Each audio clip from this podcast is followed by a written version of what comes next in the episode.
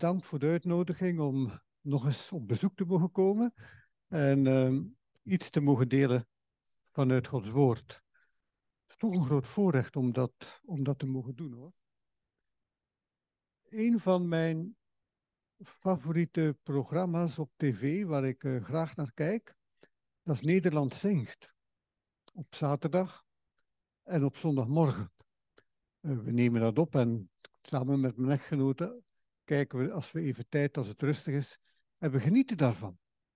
En wat een schat aan prachtige liederen hebben wij toch allemaal. En wat een muzikale talenten. En ook hier, nog indrukwekkend, mogen we de Heer echt dankbaar voor zijn. En vorige maand, een paar weken geleden, stond een van die uitzendingen van Nederland Zingt in het teken van Psalm 23. En ze brachten verschillende muzikale versies van die psalm te horen. En ik verbaasde mij dat daar zoveel muzikale interpretaties van zijn. Ik denk dat geen enkel andere psalm dat ook heeft. En ik denk dat dat komt omdat psalm 23 misschien wel de meest geliefde psalm van allemaal is. Ik denk, moesten we dan kijken houden onder jullie. En ik zou vragen, wat is, of maak eens een top 10 van jullie meest favoriete Bijbelteksten. Daar ben ik er tamelijk zeker van dat uh, Psalm 23 daar zal in voorkomen, misschien zelfs in de top 3.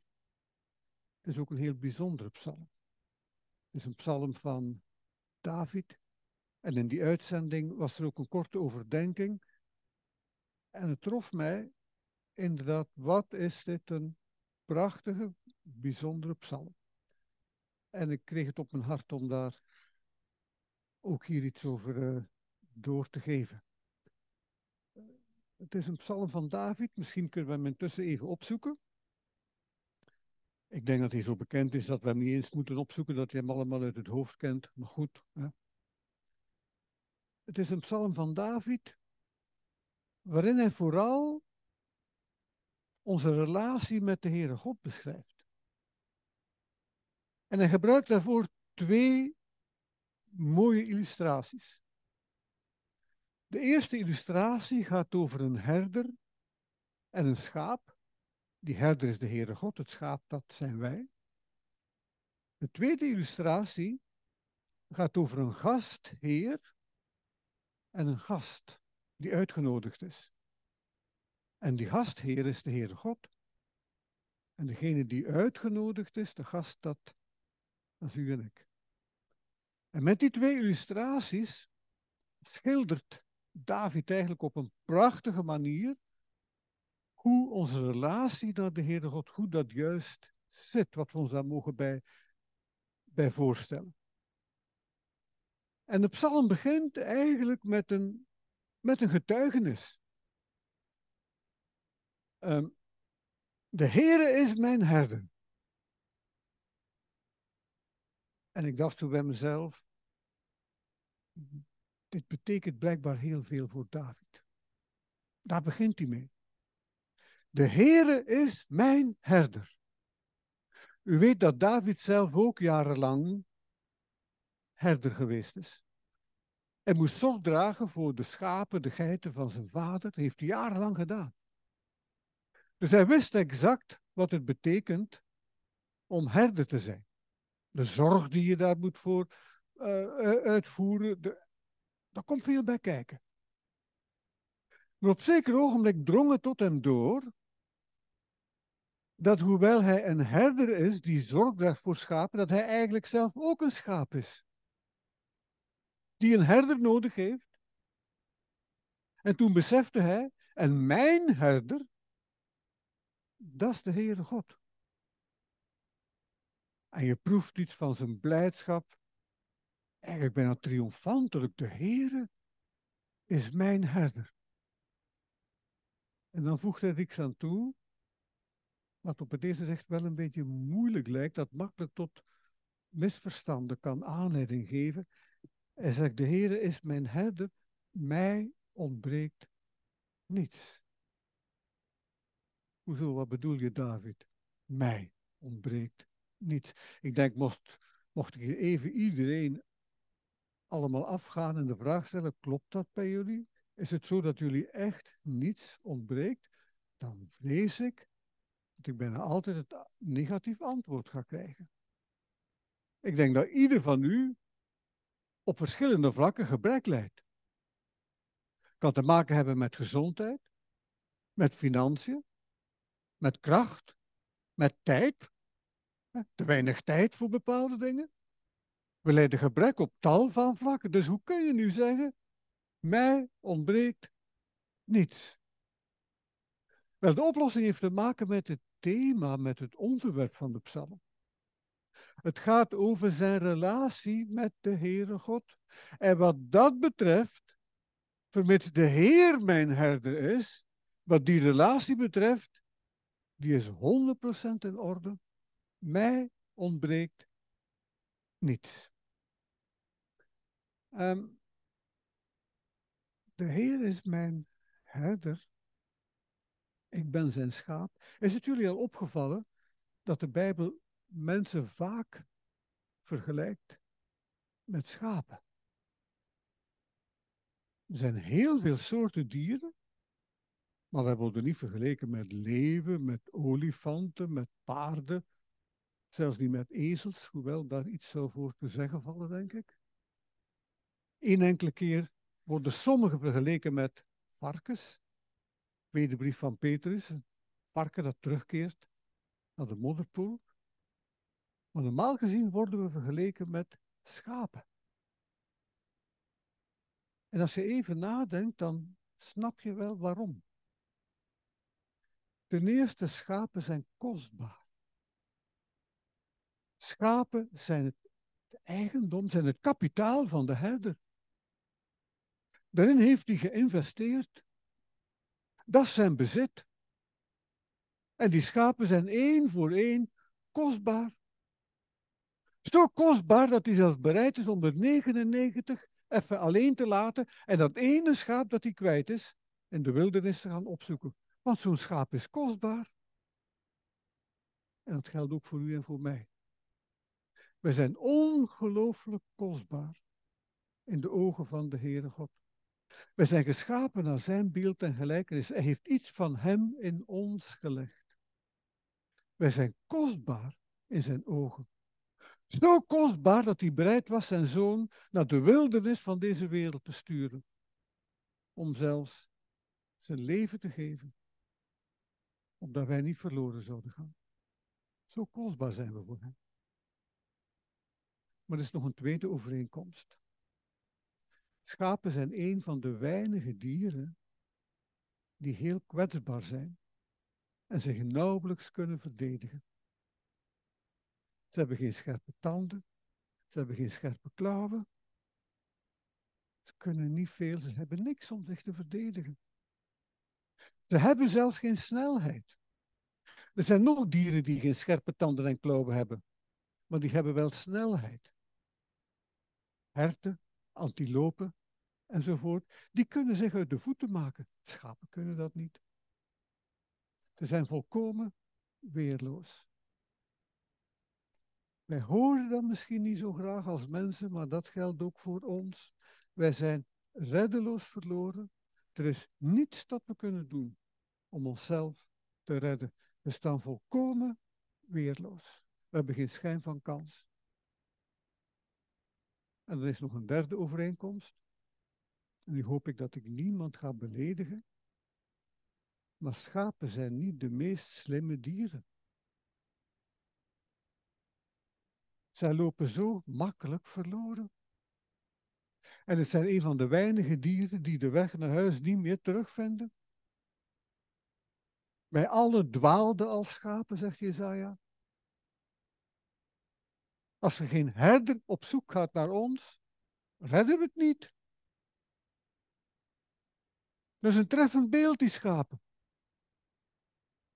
En dat geldt niet alleen voor gelovigen, maar dat geldt ook voor ongelovigen. Op zeker ogenblik lezen we in de evangelie dat de Heer Jezus toen hij de scharen zag, werd hij met ontferming bewogen, omdat hij zag dat ze voortgejaagd en afgemat werden als schapen zonder herder.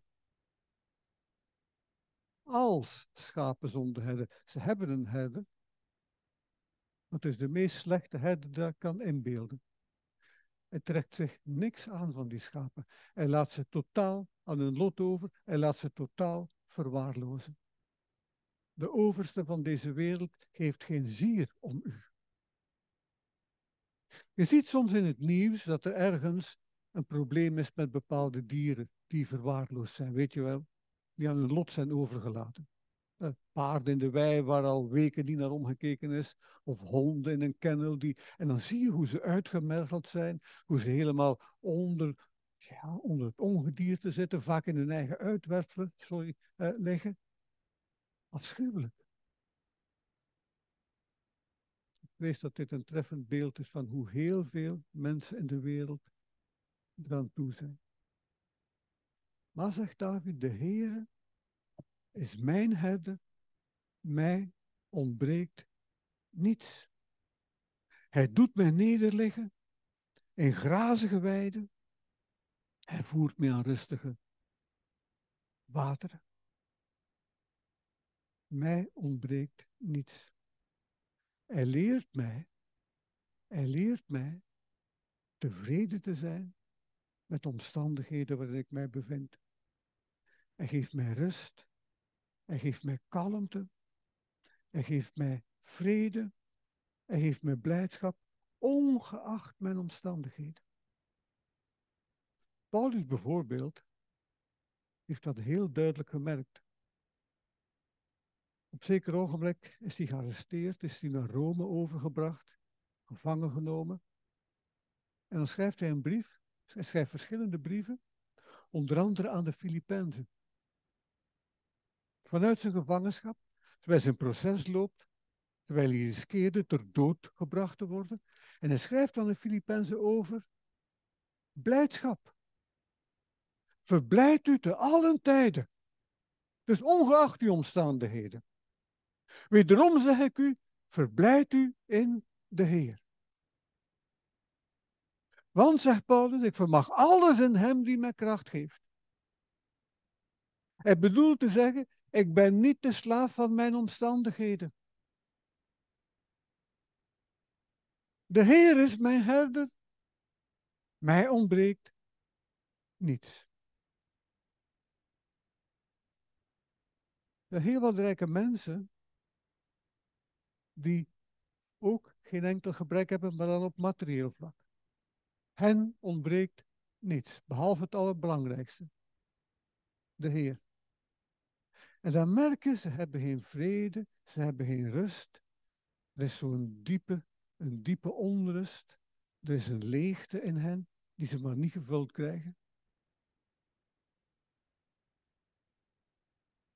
Als de Heer je herder geworden is, dan krijg je innerlijke vrede, dan krijg je rust en dat is met geen geld te betalen. Op zeker ogenblik heeft de profeet Habakkuk dat heel duidelijk verwoord. Als zou de vijgenboom niet bloeien en er geen opbrengst aan de wijnstok zijn. Als zou de vrucht van de olijfboom teleurstellen. Als zouden de akkers geen spijs opleveren en de schapen uit de kooi verdreven zijn en er geen runderen in de stallen zijn. Nochtans zal ik juichen in de Heer. Jubelen in de God van mijn heil. Hij was niet afhankelijk van zijn omstandigheden. Als we het allemaal tegenzitten, de Heer is mijn herder. So what's the problem? Wat is het probleem? Kijk wat de Heer Jezus exact als herder voor ons doet. Hij doet me nederliggen in grazige weiden. Hij zorgt voor voedsel, voedsel voor onze zielen, want wij leven niet alleen van brood alleen. Grazige weiden waar volop voedsel is. Christus zelf die een diepe innerlijke verzadiging geeft. Want zegt ik ben het levende brood dat uit de hemel is neergedaald. Kijk, alle mensen ervaren een soort van hoe zal ik het zeggen, een soort van levenshonger. En ze zoeken die honger te stillen. Met van alles en nog wat. En het lukt niet. Het lukt niet tot ze de Heer Jezus leren kennen.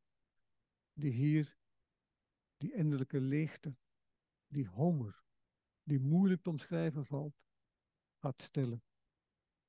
Merk op dat David zegt, hij doet mij nederliggen in grazige weiden. Dat is belangrijk. Iemand die veel verstand heeft van schapen, heeft me dat uitgelegd. Heeft erop gewezen dat schapen niet vlug gaan neerliggen.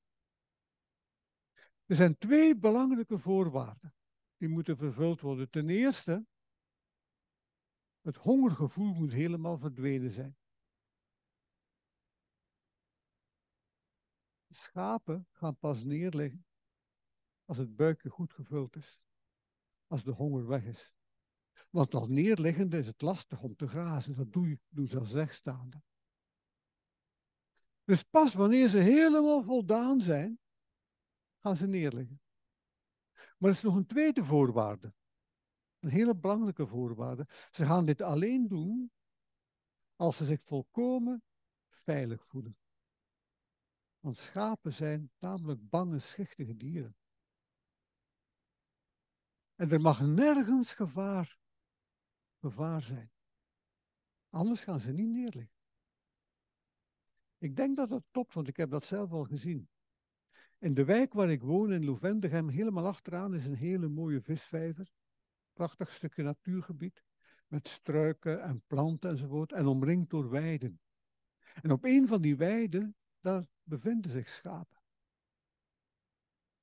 Ik heb ze nog maar zelden of nooit zien neerliggen. Alleen helemaal op het einde van de dag, zes, zeven uur, als de vissers weg zijn, als ze de hele dag hebben kunnen grazen, buiken is goed gevuld en er is bijna niemand meer te zien, dan durven ze zich neerleggen. Hij doet me neerleggen in grazige weiden. Hij geeft mij een volkomen gevoel van voldoening en van veiligheid. Alles is goed. Alles is rustig. Leg u maar neer. De duivel is overwonnen. Onze ergste nachtmerrie, die van de hel, is voor altijd verdwenen. Slaap maar op uw twee oren. Ga maar rustig neerliggen. En hij voert mij aan rustige wateren. Schapen gaan niet vlug aan snel stromend water drinken. Daar zijn ze veel te bang, veel te schichtig voor. Schapen hebben rustige waterplassen nodig. Ze moeten zich veilig weten. Vers 3. Hij verkwikt mijn ziel. Hij leidt me in de rechte sporen. Hij verkwikt mijn ziel en stilt onze innerlijke honger en dorst. Maar hij verkwikt ons ook. Mag zeggen, ik heb deze nacht goed geslapen. En toen ik deze morgen wakker werd, voelde ik mij verkwikt. Fris, uitgerust. Ik zei, laat de dag maar komen. Verkwikt. Dat is wat de Heer Jezus doet. Ons een innerlijke verkwikking geven. We voelen ons goed. Onze ziel, het gaat goed met onze ziel. Hij verdrijft neerslachtigheid. Hij verdrijft depressieve gevoelens. Hij rekent af met frustraties. Het gaat goed met mijn ziel. Hij leidt mij in de rechte sporen om zijn naams wil. Schapen moeten regelmatig van weide veranderen. Ze grazen niet helemaal leeg. Ik heb er al op gewezen. Schapen zijn niet de meest snuggere dieren. Ze vinden niet vanzelf direct een nieuwe goede weide. Ze hebben leiding nodig. En dat is wat de goede herder doet. Hij leidt ons in de rechte sporen en zorgt voor leiding in ons leven. Hij weet waar het goed is voor ons om te zijn. Hij brengt er ons, hij leidt er ons naartoe. En het is opnieuw veilige leiding, rechte sporen. Schapen hebben graag dat ze goed zicht hebben, dan voelen ze zich veilig. Want achter de bocht, wie weet wat zich daar bevindt. Maar hij zorgt voor rechte sporen. En waarom doet hij dat allemaal? Om zijns naams wil. Hij heeft een reputatie hoog te houden. Hij is de goede herder. Hij doet dat niet omdat wij zo flink en fantastische schapen zijn. Absoluut niet. Hij doet het om hemzelf. Hij is zo. Hij is de goede herder. En hij weet exact hoe hij voor zijn schapen moet zorgen. Vers 4. Zelfs al ga ik door een dal van diepe duisternis. Ik vrees geen kwaad. Want gij zijt bij mij. Uw stok en uw staf, die vertroosten mij. Vers 4, vers 4 spreekt over een dal van diepe duisternis. Ook al hebben we een goede herder, toch kunnen we soms in zeer moeilijke omstandigheden terechtkomen.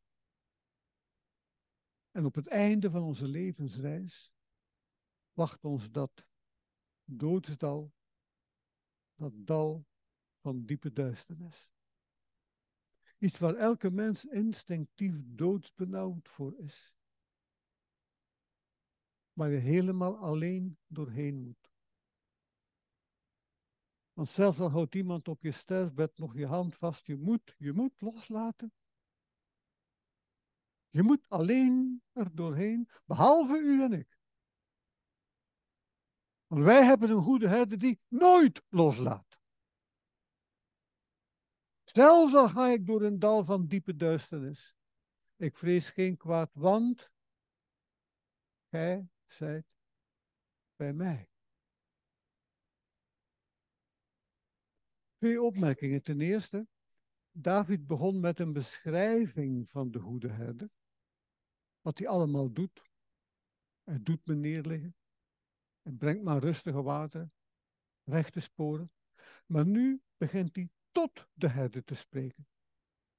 Want gij zijt bij mij. Hij heeft een relatie met die herder.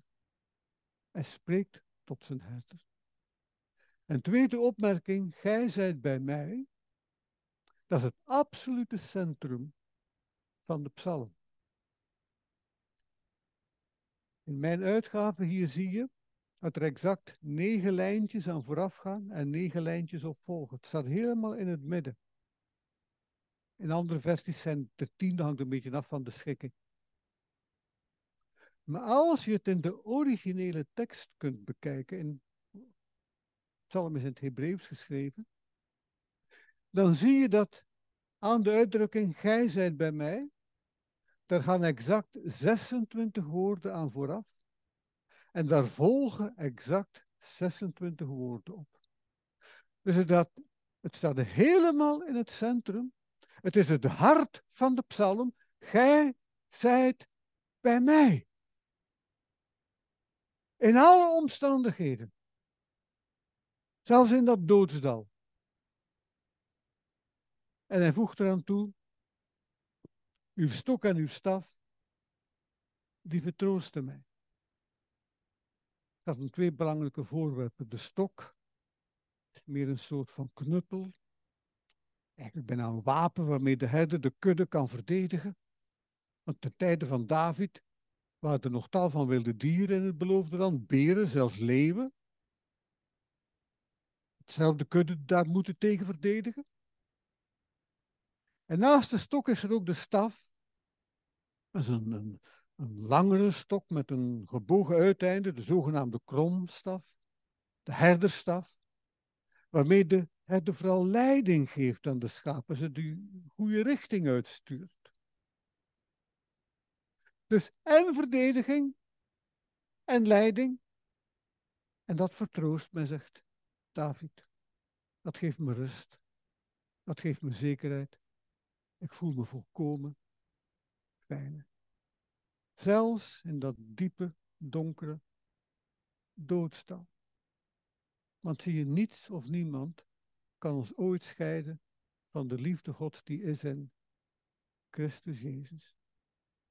Want zei de Heer, wie in mij gelooft zal leven, ook al is hij gestorven. En dan volgt er een tweede illustratie, namelijk die van een gastheer en een gast. Vers 5. Gij richt voor mij een dis aan, voor de ogen van wie mij benauwen, gezalfd mijn hoofd met olie, mijn beker vloeit over. Een dis, een beetje een ouderwets Nederlands woord, maar het gaat om een feestelijk gedekte tafel met allemaal lekkere, heerlijke dingen erop. En de Heer God nodigt ons uit om daar plaats te nemen en te genieten. Voor de ogen van wie mij benauwen. U weet, David heeft soms moeilijke perioden gekend, ook heel wat tegenstanders gekend. Maar bij de Heere God was hij altijd welkom. Daar stond een rijk gedekte tafel. Hij zalft mijn hoofd met olie. Weet een cultureel gebruik in die tijd in het Midden-Oosten. naast het wassen van de voeten zorgde de gastheer ook voor een klein beetje geparfumeerde olie, zodat u goed zat voelen. Een stukje comfort, stukje luxe. Je bent welkom, geniet ervan. Mijn beker vloeit over. Dat is een beetje een dichterlijke overdrijving. ik bedoel, het is niet de bedoeling dat we er een knoeiboel gaan van maken aan de tafel van de Heer, maar het spreekt van overvloed. Het is geen tekort. Er is meer, meer dan voldoende. Mij ontbreekt niets. Zie eens hoeveel mijn beker vloeit over. Gij richt voor mij een dis aan. Wat een rijk gevulde tafel. Elke keer als ik dat lees, doe ik me denken aan, aan familiefeesten. Ik heb vier kinderen, ze zijn alle vier getrouwd. En ik heb het altijd heel belangrijk gevonden om regelmatig samen te komen. En elkaar niet uit het oog te verliezen, te genieten van elkaar. En bij een verjaardag, bij weet ik veel, soms vonden we dingen uit om, om te kunnen samenkomen, weet je wel. En dan eten we samen. Er is één probleem, ik kan tamelijk goed rekenen. En ik ben een beetje van het zuinige type. In het begin dacht ik, wel, we zijn dus vier kinderen met een uh, partner, is acht, en Marianne en ik is tien. Dus ik dacht, elk twee sandwiches. Misschien dat er een dat de drie eet. Dus 10 maal 2 is 20. Pak er vijf bij, 25.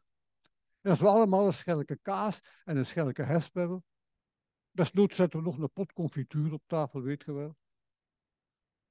Um, mijn echtgenoot heeft daar een iets andere visie over. Uh, nee, nee, dat moet vol. Ik bedoel, en er moet, van, er moet keuze zijn. En dan zei mijn lieve schat, maar dan krijgen we het toch nooit van zijn leven op. Dan zei ze, jawel, dan, dan hebben ze nog iets om mee te nemen naar huis. Ja, oké. En ik snap dan vlug, ik moet niet verder discussiëren, of ik krijg een voorproefje van de grote verdrukking. Uh,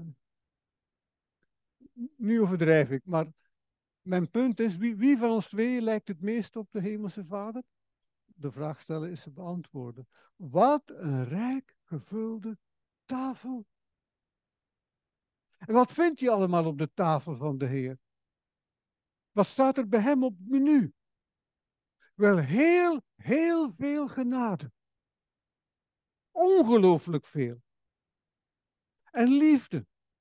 En vreugde. En goedheid. En barmhartigheid. En geduld. Wat een rijk gevulde tafel. Vers 6, ja, heil en goede tierenheid zullen mij volgen al de dagen van mijn leven. Ik zal in het huis des Heren verblijven tot in lengte van dagen. De psalm eindigt met wat je zou kunnen noemen een beschrijving van onze levensreis.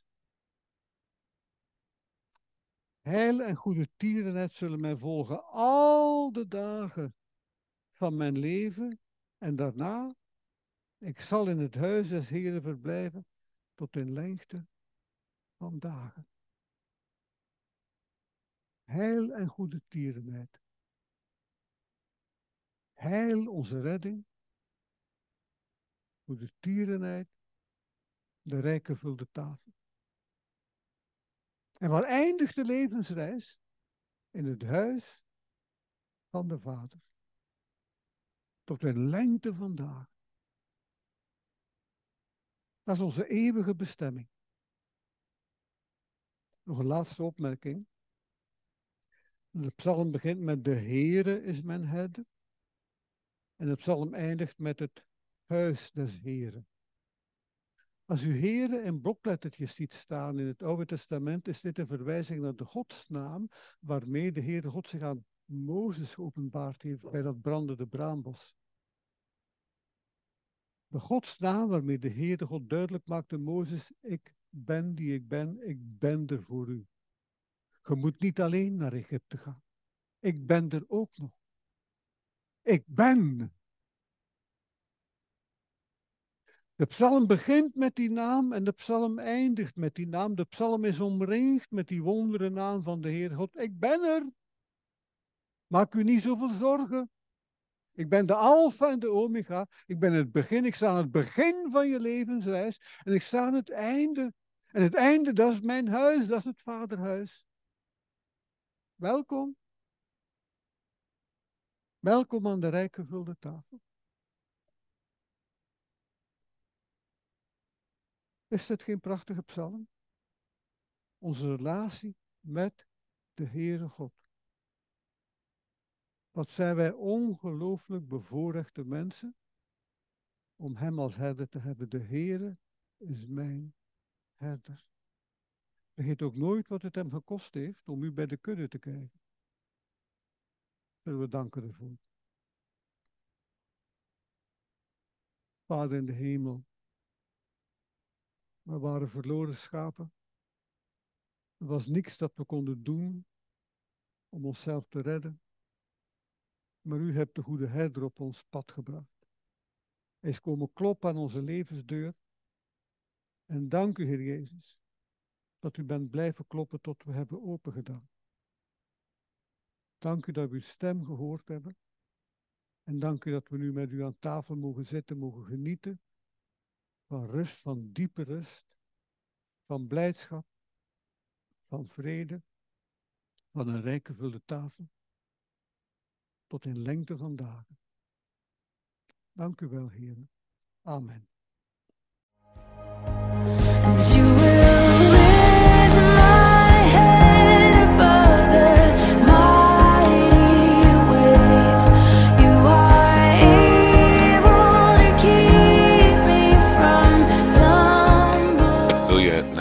Deze preek napraten of heb je verdere vragen?